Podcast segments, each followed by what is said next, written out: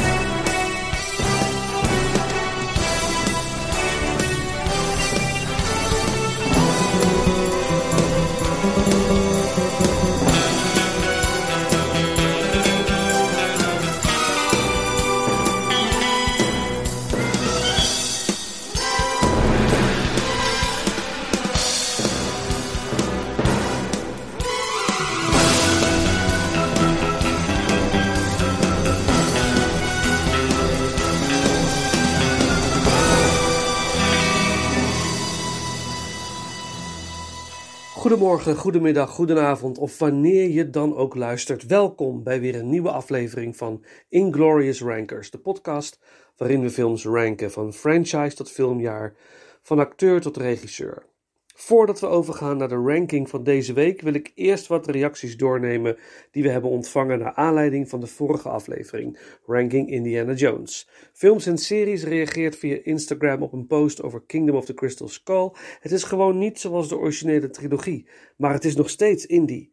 Geef de film een zeventje, houdt wel van een atoomexplosie op zijn tijd.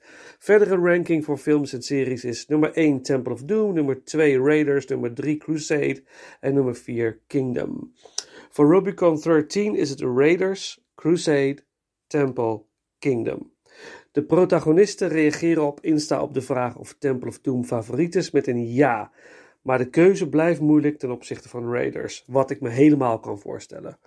De ranking van SRSCK is nummer 2, 1, 3, 4. Super bedankt voor de reacties. Vind het erg leuk om de lijstjes te delen. In deze aflevering neem ik jullie mee door mijn persoonlijke 80s James Bond ranking. Een volledige Bond-ranking zorgt voor een hele lange aflevering of voor heel veel afleveringen. Daarom heb ik besloten de ranking in stukken te hakken, om zo uiteindelijk tot een definitieve ranking te komen. De keuze van de rankings bepaal ik aan de hand van een spinner, een roulette-app. De spinner draait en het lot bepaalt welke ranking de volgende zal worden. Op de spinner staan inmiddels 50 opties, waaronder decades, Bond, 60s, 70s, 80s, 90s, zeros en 10s. Uh, de eerste waarmee de spinner kwam was 80s Bond en daar ga ik deze aflevering doorheen. Over de geschiedenis en het ontstaan van Bond zal ik meer uitweiden in de aflevering met de definitieve Bond ranking. Wanneer deze zal worden uitgebracht is nog onbekend natuurlijk. We hebben eerst nog wat losse fases te doorlopen. Ik ben al een Bond-fan sinds klein kind. Eerst gefascineerd door de posters, later door het verzamelalbum met alle songs tot en met For Your Eyes Only en uiteindelijk groot fan van de films. Een Bond-film kijken is voor mij pure ontspanning. Welke ik ook opzet. Natuurlijk heb ik ook zo mijn favorieten en ik vraag me nu af wat mijn persoonlijke definitieve Bond-ranking zal zijn. Met deze aflevering de eerste stap daar naartoe. Ranking 80s Bond. Laten we meteen gaan beginnen. Op naar de nummer 6. Never, never say never again. Never, never say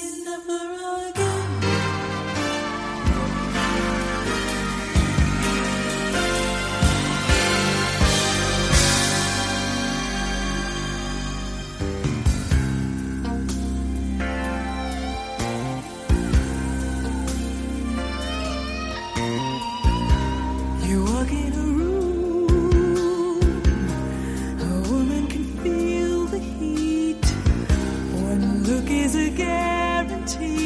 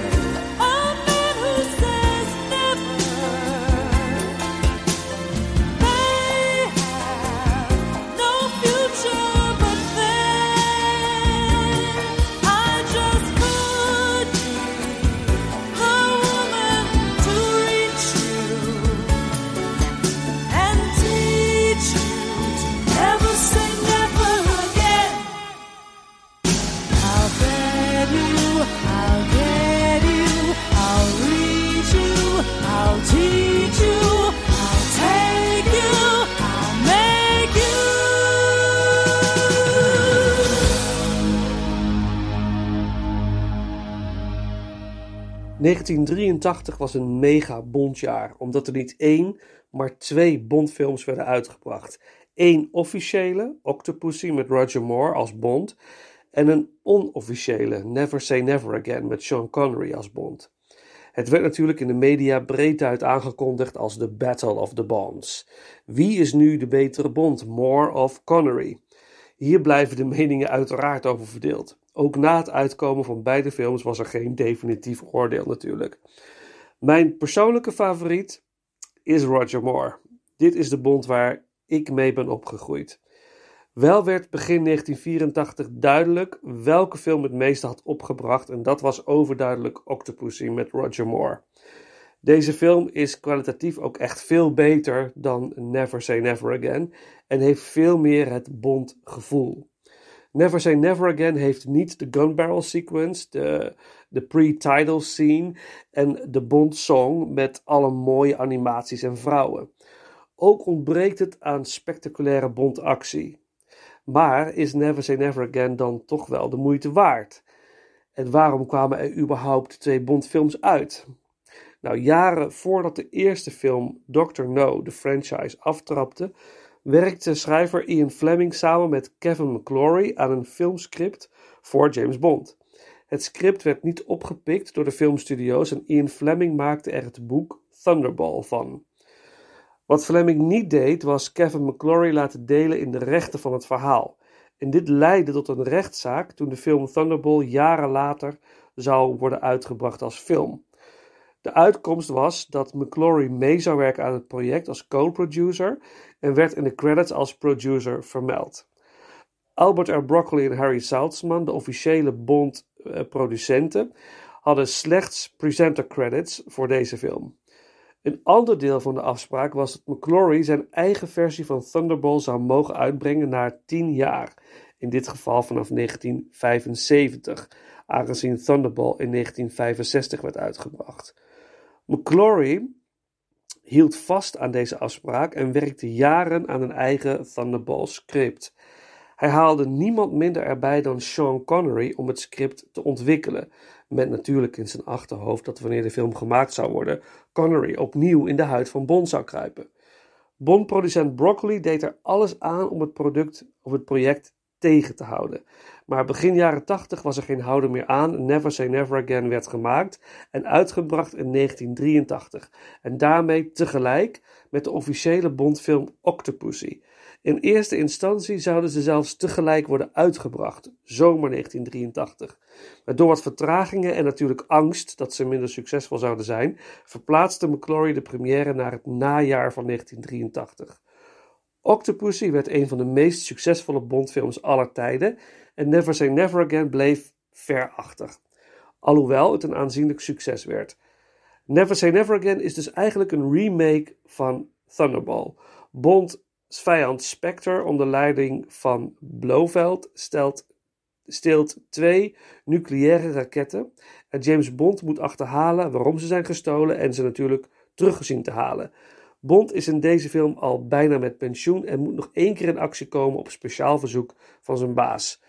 De film is zeker niet een van de beste Bondfilms. Het is bij tijd en wijle wat langdradig en ik kon niet meegaan in het onofficiële gevoel dat de film heeft. Uh, wat de film wel te verteren maakt, is de aanwezigheid van Connery als Bond.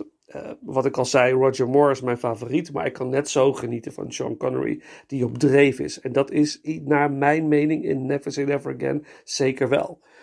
Ook de rest van de cast is top-notch. De prachtige Kim Basinger en Barbara Carrera als Bond-girls. Klaus Maria Brandauer als misschien wel de betere Largo in de serie. Tegenover Adolfo Celli in Thunderball. Maar de charisma van Brandauer is toch wel enorm wanneer Connery en Brandauer het scherm delen. En dan is het echt vuurwerk. Er zitten weinig noemenswaardige actiescènes in. Een wel spannende motorachtervolging. En de openingsscène is een actiescène. Al voelt die scène wel wat awkward. Zojuist hoorden jullie de titelsong uit de film Never Say Never Again door Lani Hall. Um, Lani Hall, sorry.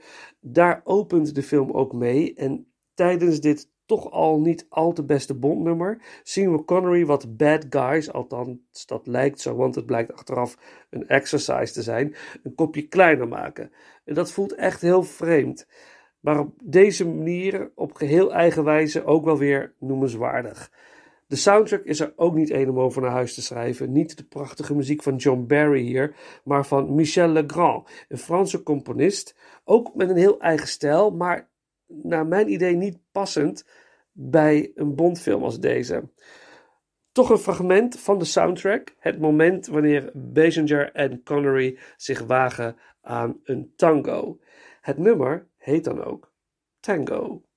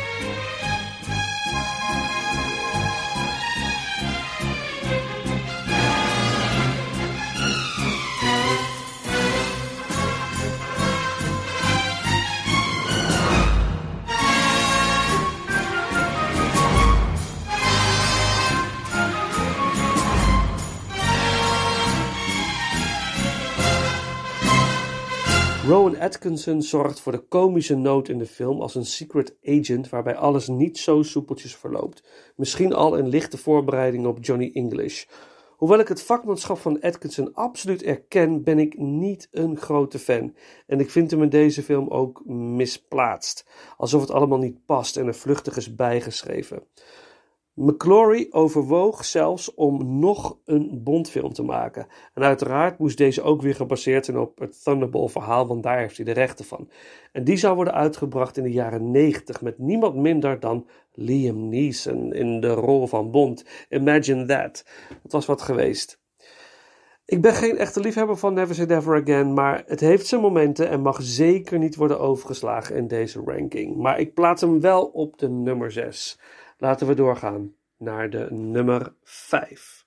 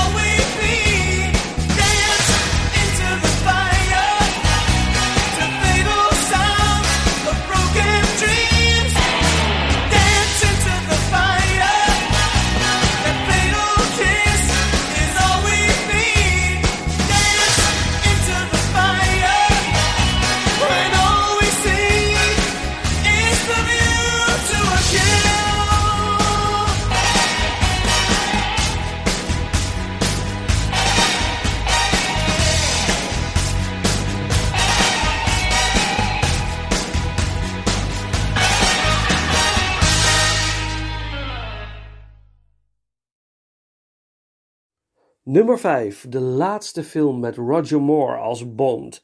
Eindelijk, zullen sommigen hebben gedacht. Moore was er in ieder geval al klaar voor, vlak voor For Your Eyes Only. Maar het liep even anders. Moore speelde toch de rol in For Your Eyes Only en keerde twee jaar later wederom terug in Octopussy om het op te nemen tegen Connery's Never Say Never Again. Moore won die strijd glorieus, want het pub- publiek koos massaal voor Octopussy. Hierop kregen de producenten Moore zover om nog één keer op 58-jarige leeftijd in de rol van 007 te kruipen, met als resultaat A View to a Kill in 1985. Toch is wel echt duidelijk dat Moore te oud is geworden voor de rol. Hij sleept zich door de film heen met behulp van vele stuntdoubles. Maar tegenover Bondgirl Tanya Roberts is het soms awkward om te zien. Hij was oud genoeg om haar vader te zijn, zeg maar. Roger Moore gaf zelf achteraf ook aan dat hij deze film beter had kunnen skippen en is voor hem persoonlijk ook zijn minst favoriete Bondfilm. Het is ook allemaal nogal cheesy, hoewel de film wel een aantal spectaculaire actiescènes heeft, mooi camerawerk en naar mijn idee een memorabele finale.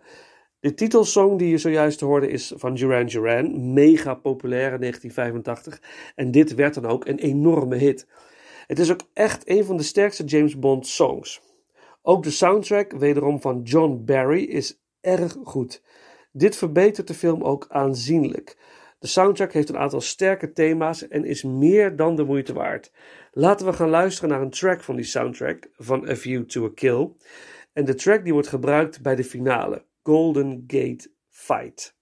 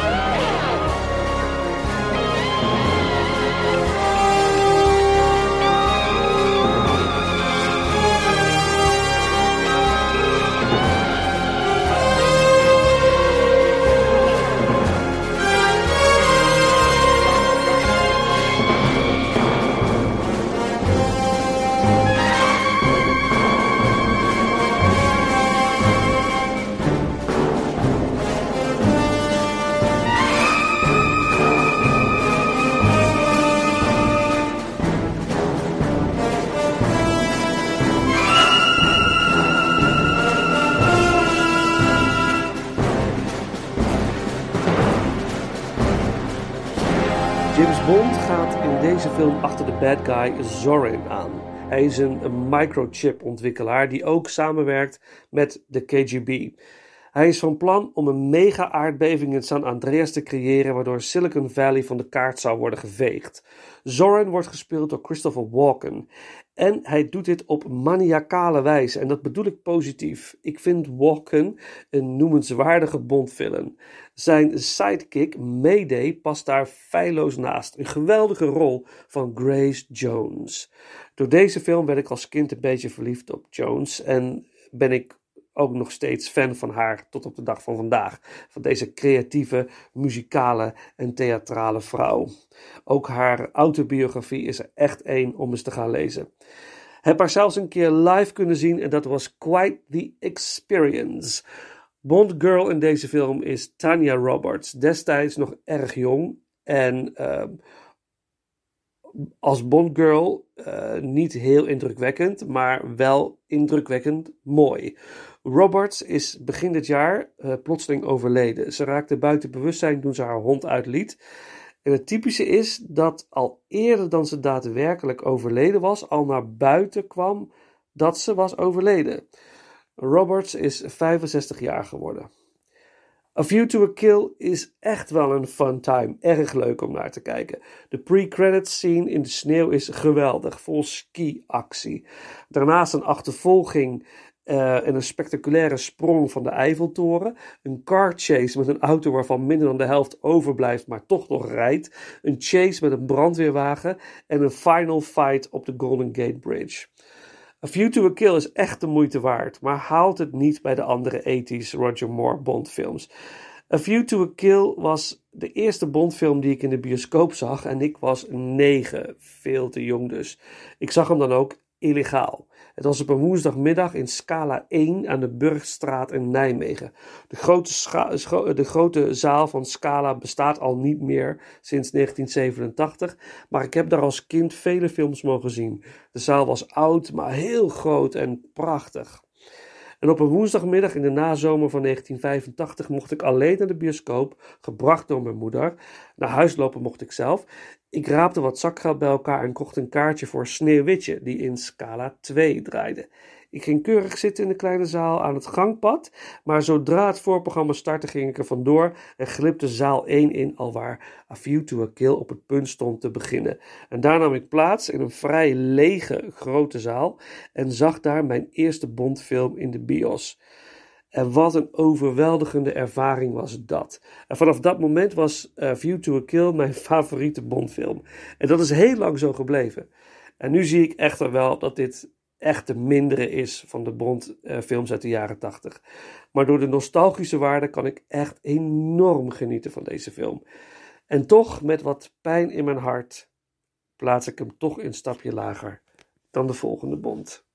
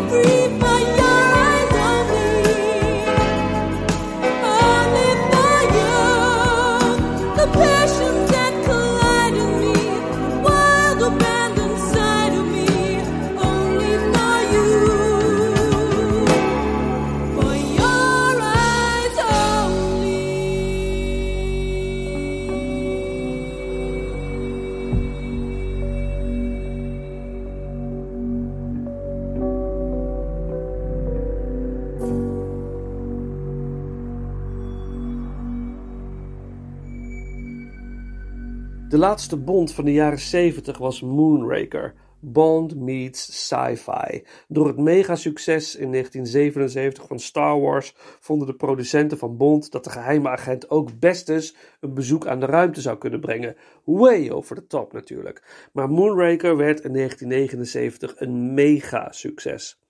Toch wilden de makers voor de volgende Bond weer terug naar de basics. Men wilde voorkomen dat Bond een parodie van zichzelf zou worden. Daarnaast had Moonraker 34 miljoen dollar gekost, duurder dan Star Wars.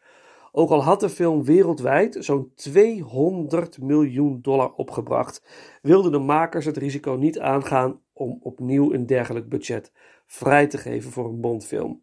Een goede keuze, want For Your Eyes Only werd in 1981 een bijna groter succes en plaveide de weg voor de 80s Bond-films. Er werd even kort gedacht om een nieuwe Bond te casten, aangezien Roger Moore destijds al een bepaald Bond-karakter had neergezet en in een film als Moonraker prima paste. Toch werd dat idee snel van tafel geveegd. Moore was wel een succesvolle Bond en het publiek was inmiddels aan hem gewend. Daarbij was het voor hem een mooie kans een nieuwe laag binnen het Bond-karakter te ontdekken. Dit was voor Moore niet eenvoudig, omdat de Bond in For Your Eyes Only harder en bruter is dan in de voorgaande films. Toch bracht hij het er goed vanaf en weet hij in deze, eerste ethisch Bondfilm een geloofwaardig karakter neer te zetten. De meer geloofwaardige Bond wordt al direct neergezet in de eerste scène waarin hij het graf van zijn overleden vrouw Theresa bezoekt. Waarmee ook een link wordt gelegd met On Her Majesty's Secret Service, een andere zeer geloofwaardige en spannende Bondfilm. In For Your Eyes Only gaat Bond op zoek naar die ATAC, een communicatiemiddelapparaat dat na een aanval op een Amerikaans schip naar de bodem van de oceaan is gezakt. Hij moet het apparaat zo snel mogelijk vinden om te voorkomen dat het in handen raakt van de Russen. Onderwijl ontmoet hij Melina, een gedeeltelijk Griekse schone die wraak wil op de moordenaars van haar vader.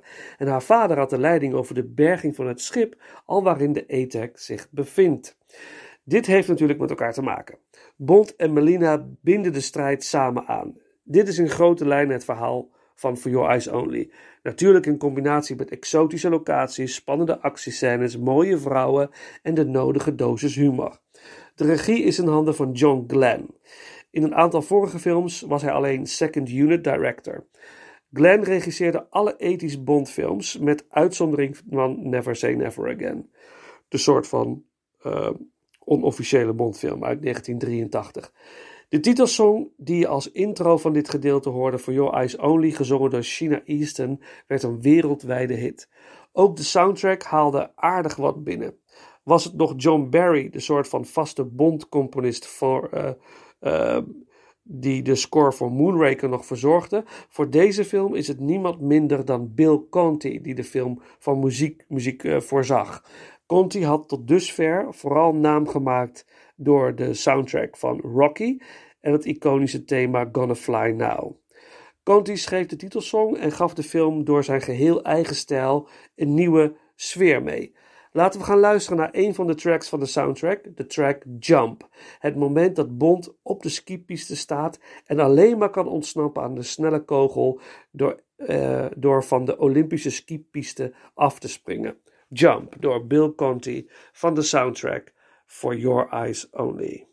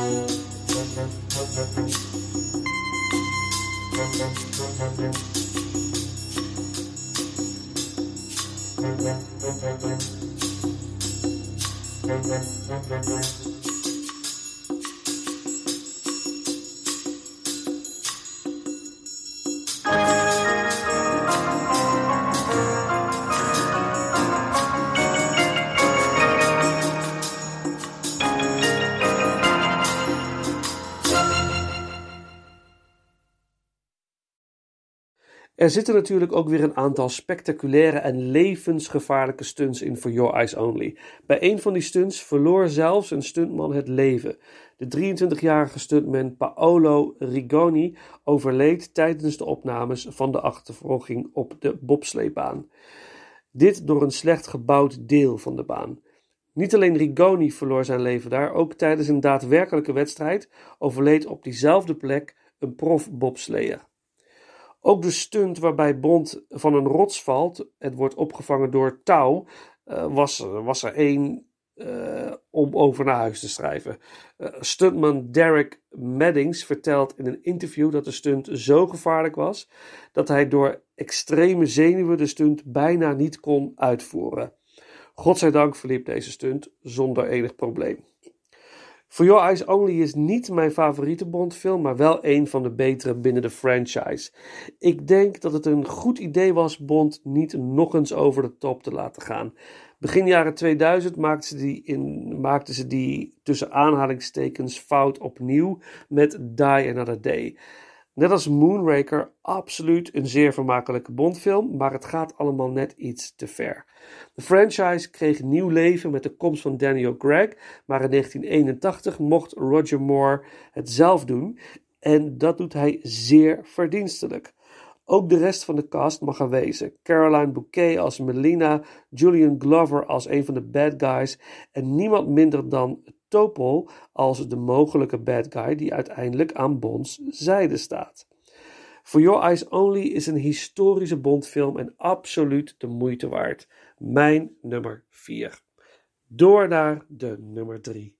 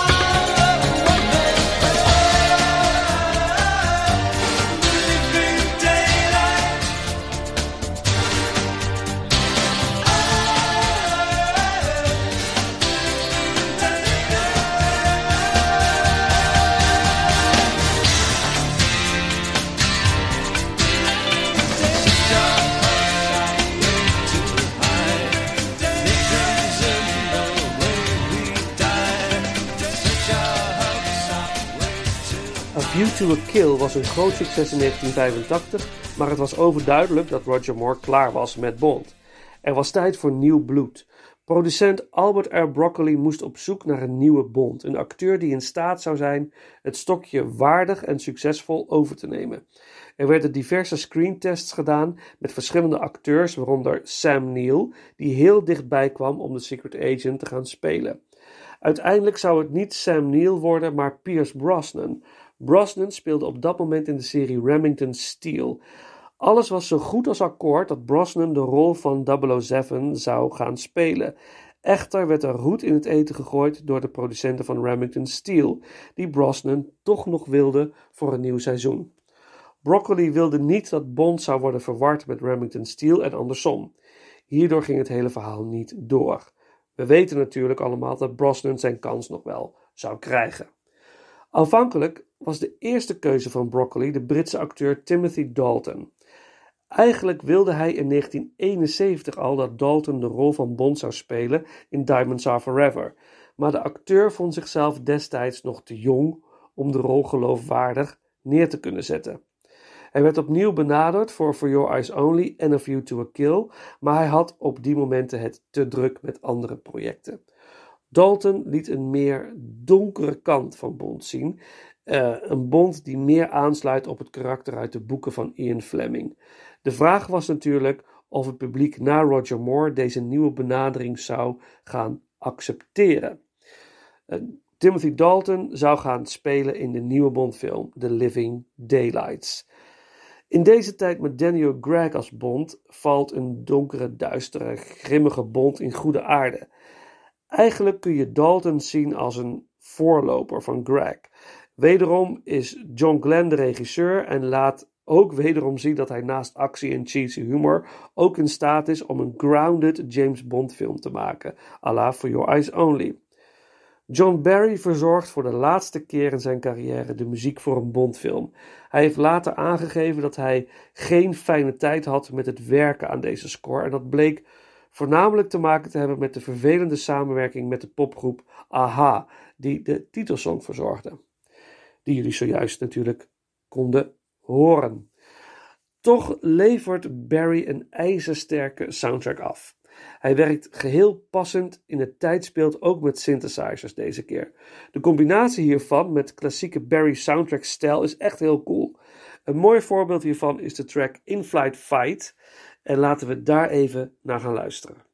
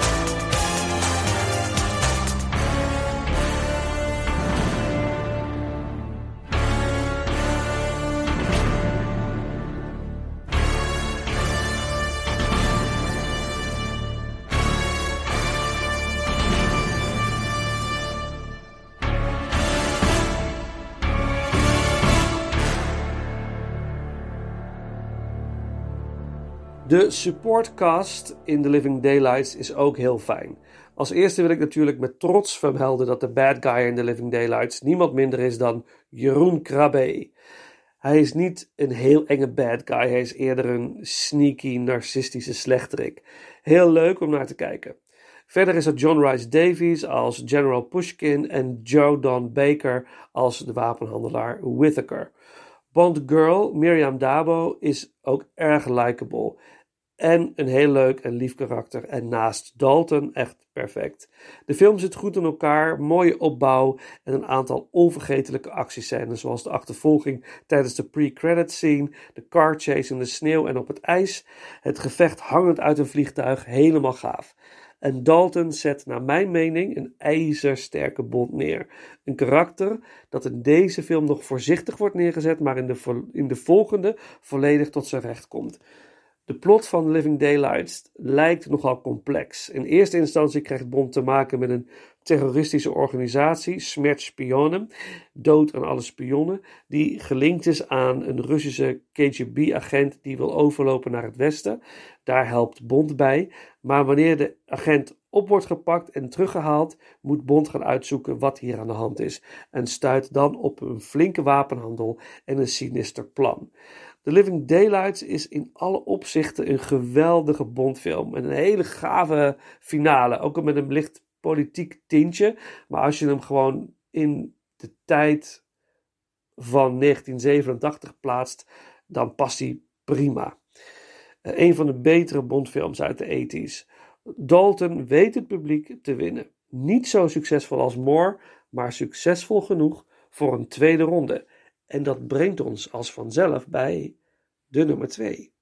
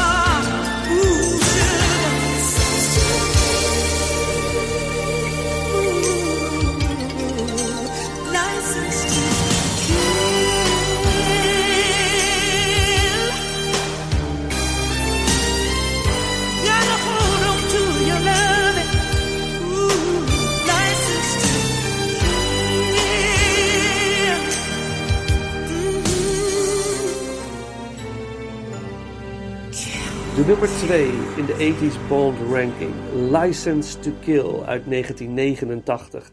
Na herzien bleek toch maar weer dat dit zelfs een van mijn all-time favorite Bond-films is.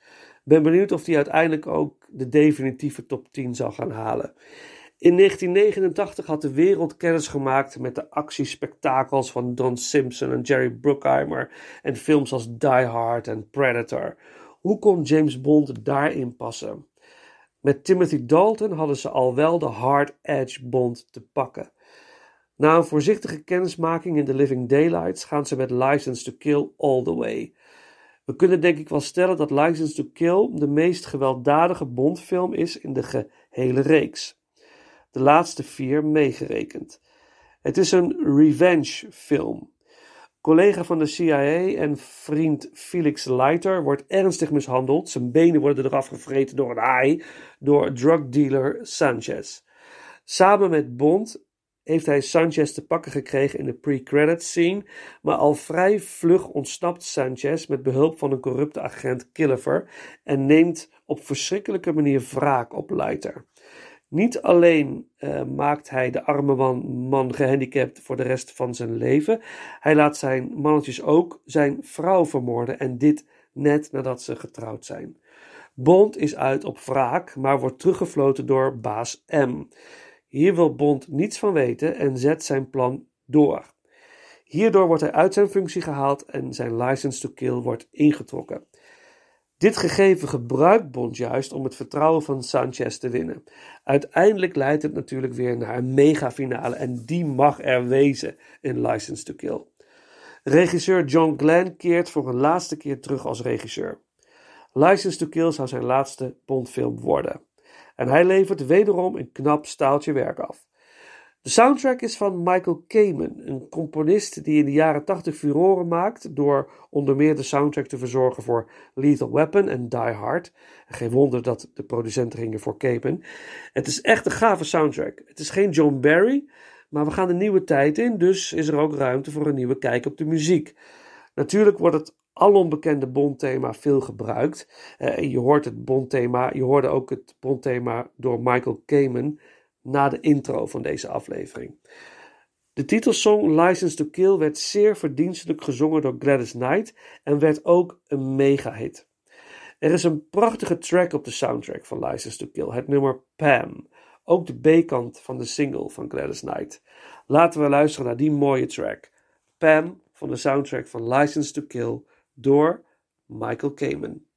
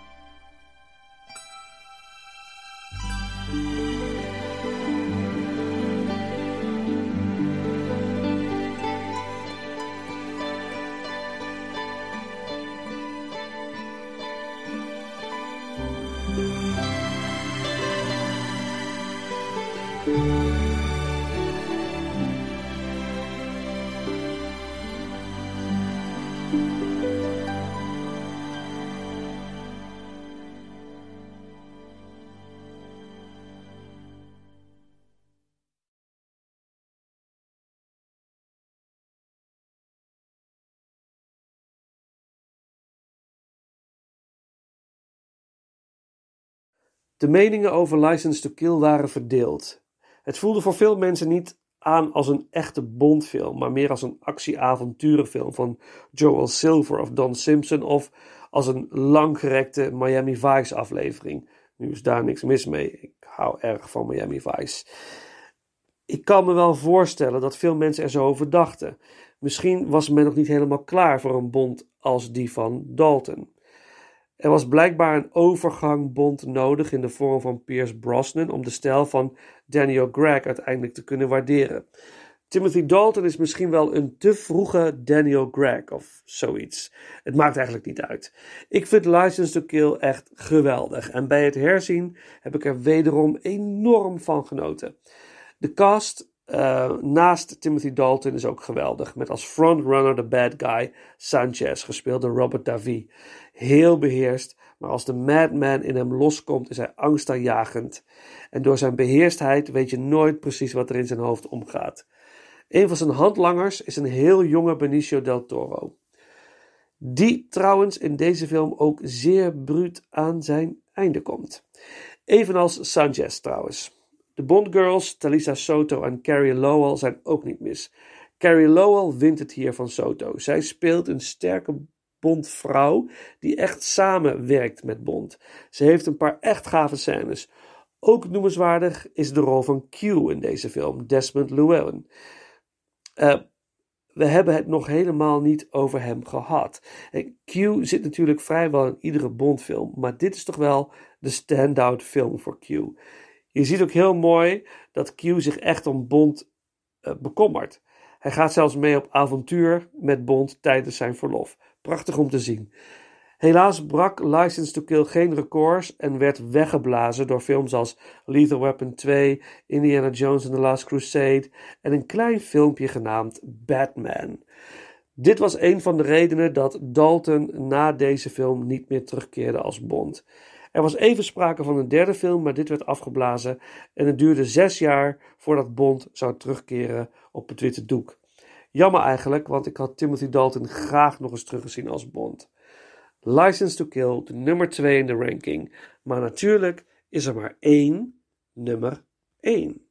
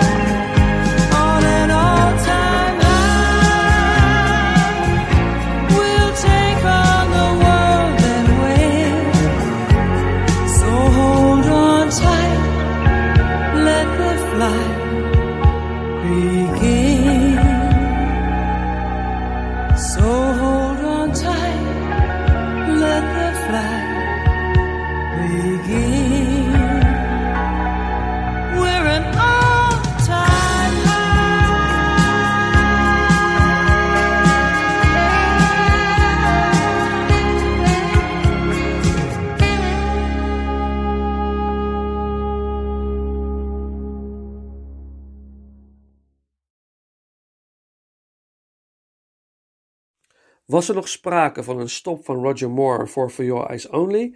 Door het grote succes van deze film keerde Moore terug in Octopussy, uitgebracht in 1983. Na For Your Eyes Only had Moore er wel echt genoeg van en wilde volledig stoppen met Bond. Het was klaar. Er begon een grote zoektocht naar de nieuwe Bond en men stond op het punt de acteur James Brolin definitief te gaan casten als Bond voor de nieuwe film Octopussy. Er zijn best leuke screentests online te vinden van Brolin, waarin duidelijk wordt dat hij best een verdienstelijke Bond had kunnen neerzetten. Toch verscheen er uh, groot nieuws. Sean Connery zou gaan terugkeren als James Bond in een nieuwe versie van Thunderball. En het was duidelijk dat Brolin niet opkon tegen Connery. En zo werd Roger Moore overtuigd om toch nog een keer in het pak van Bond te stappen en zo geschiedde. Octopussy stond tegenover Never Say Never Again, zoals eerder al uitgelegd. Octopussy kwam als grote winnaar uit de bus en terecht, want mijns inziens is Octopussy een van de beste en leukste Bondfilms. De film krijgt tot op de dag van vandaag echt enorm veel kritiek te verduren. Ik vind het onterecht, want ik kan echt heel erg genieten van deze film. Ehm, in zijn autobiografie schrijft Roger Moore dat de opnames van deze Bondfilm tot een van zijn favorieten behoren. En dat straalt de film ook echt uit. Het is een fun ride. Zeker geïnspireerd door een film als Raiders of the Lost Ark, Never a Dull Moment en Fast Paced. Je ziet wel dat Roger Moore echt wel een beetje ouder wordt om een geloofwaardige bond neer te zetten, maar hij kan het toch nog prima hebben in Octopussy. De film zit vol actie en avontuur, met als hoogtepunten de tijgerjacht waarin Bond de prooi is, het gevecht op een vliegtuig, hoogst ongeloofwaardig, maar ik kan er helemaal in meegaan, en de spectaculaire openingsscène. Um, na een best gave soundtrack door Bill Conti voor For Your Eyes Only keert John Barry terug als componist voor deze film en dat doet hij glorieus. Hij levert een van zijn beste Bond soundtracks af. Zojuist hoorden jullie al uh, de Octopussy Gun Barrel muziek en de titelsong All Time High door Rita Coolidge. Laten we nu even gaan luisteren naar een track van de soundtrack. The Chase Diffusing the Bomb door John Barry.